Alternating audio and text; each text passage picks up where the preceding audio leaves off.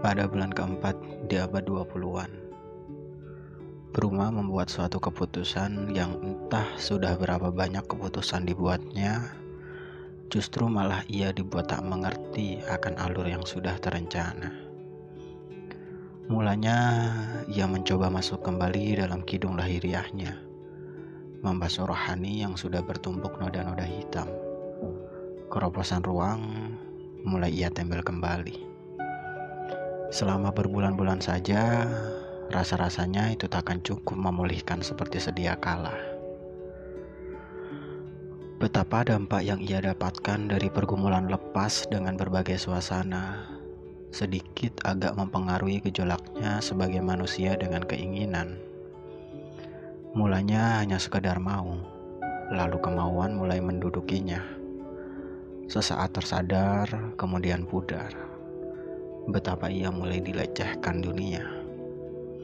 Sampai pada suatu momen ia merasa hatinya bergejolak hanya karena melihat wajah salah seorang keturunan Wasya yang baru dikenalnya.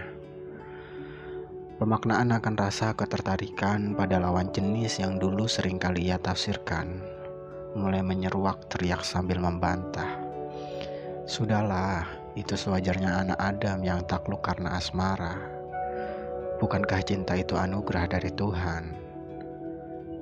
Sebegitu lemahnya dirimu, hanya dengan asmara saja takluk. Maka hiaslah hidupmu dengan gejolak kaulah muda seperti umumnya. Kesadaran akan rayuan ingin di sampingnya, silam waktu sudah ia terjemahkan menurut persepsinya.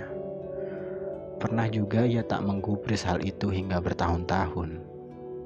Lalu ia menjadi sosok dengan kepedulian akan dirinya melebihi kemauan asmara yang memang seharusnya perlu dinikmati dengan sukaria.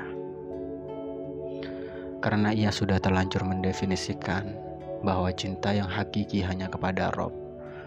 Keutuhan cinta yang ia miliki, ia posisikan layaknya rumah terbuka untuk umum.